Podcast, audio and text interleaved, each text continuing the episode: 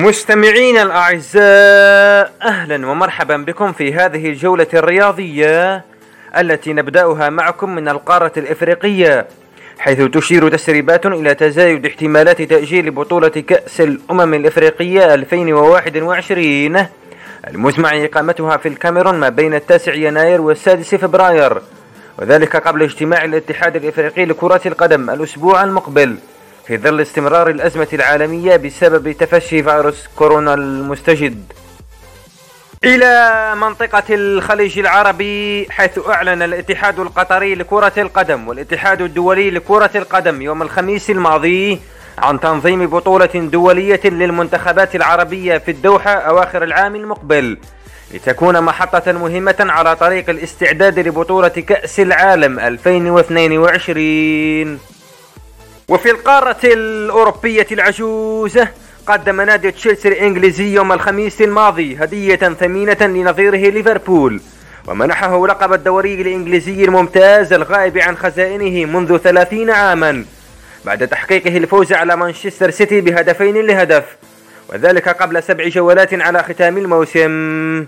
ومن كرة القدم إلى التنس حيث أعلن الاتحاد الدولي لكرة المضرب يوم الجمعة الماضي تأجيل نسختي عام 2020 لمسابقتي كأس ديفس وكأس الاتحاد إلى عام 2021 وذلك بسبب تفشي فيروس كورونا المستجد.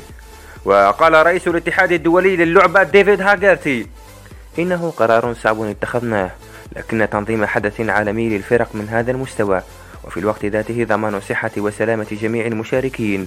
هو مخاطرة كبرى لم يكن بالإمكان اتخاذها. إلى عالم مكافحة المنشطات إذ أعلنت لجنة مكافحة المنشطات في السويد يوم الخميس الماضي إيقاف المصارعة جيني فرانسون حاملة فضية الألعاب الأولمبية ريو دي جانيرو 2016 إيقافها لأربع سنوات بعد ثبوت تناولها منشطات من مادة ميثيل تستوستيرون المحظورة. محطتنا التالية مع معشوقة الجماهير الأمريكية كرة السلة. حيث أعلنت رابطة دوري كرة السلة الأمريكي للمحترفين ونقابة اللاعبين يوم الجمعة الماضي عن توصلهما إلى اتفاق حول استئناف المباريات بدءا من الثلاثين يوليو المقبل بما في ذلك بروتوكولات الصحة والسلامة بعد التوقف بسبب تفشي فيروس كورونا المستجد. ويتضمن الاتفاق إقامة كل المباريات المتبقية في مجمع والت ديزني وورلد ريزورت في أورلاندو بولاية فلوريدا.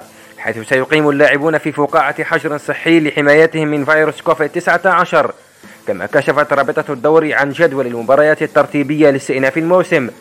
في المقابل قال مفوض ال NBA آدم سيلفر لشبكة ESPN التلفزيونية أنه لو زادت حالات الإصابة بين الفرق التي ستدخل في عزلة في فلوريدا فربما يؤدي ذلك إلى إيقاف البطولة. ومن كرة السلة إلى رياضة الفن النبيل.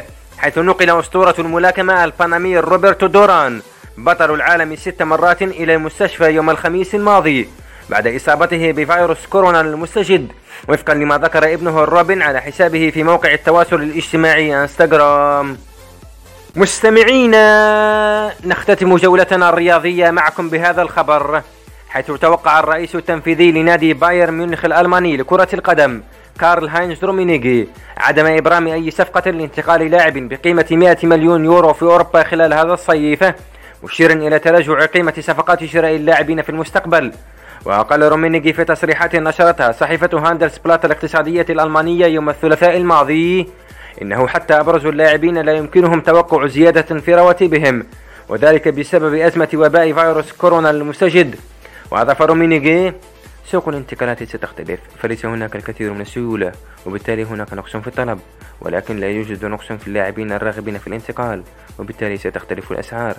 أما بالنسبة للصفقات التي تقترب قيمتها من 100 مليون يورو أو تتجاوزها قال رومينيجي لا أتوقع أن مبلغا كبيرا كهذا قد يدفع من أجل ضم لاعب خلال هذا الموسم سواء في ألمانيا أو أوروبا كلها. إلى هنا تنتهي جولتنا الرياضية معكم. نشكركم مستمعين على حسن متابعتكم وتقبلوا تحيات عبد الرحمن بن شيخ لراديو صوت العرب من أمريكا.